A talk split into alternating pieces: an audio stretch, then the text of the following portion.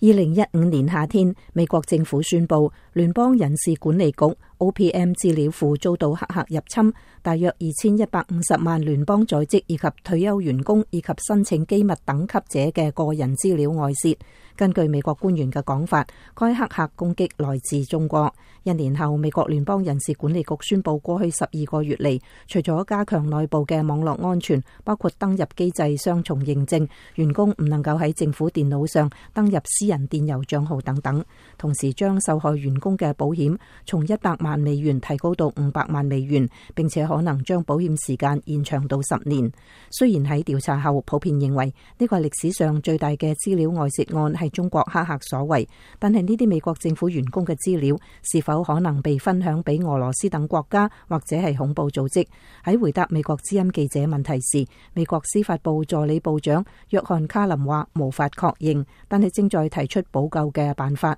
希望未来杜绝相同情况。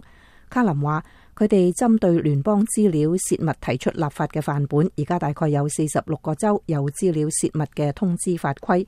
如果係喺屋企進行跨州生意嘅公司，對律師係好生意，但係對國家而言就唔合理。佢希望國會能夠將資料泄密聯邦一致化，能夠有同一標準。而奧巴馬政府亦有提出咁樣嘅法規。卡林表示，人事管理局資料泄密案仲未有結案，唯一能夠話結案嘅時候。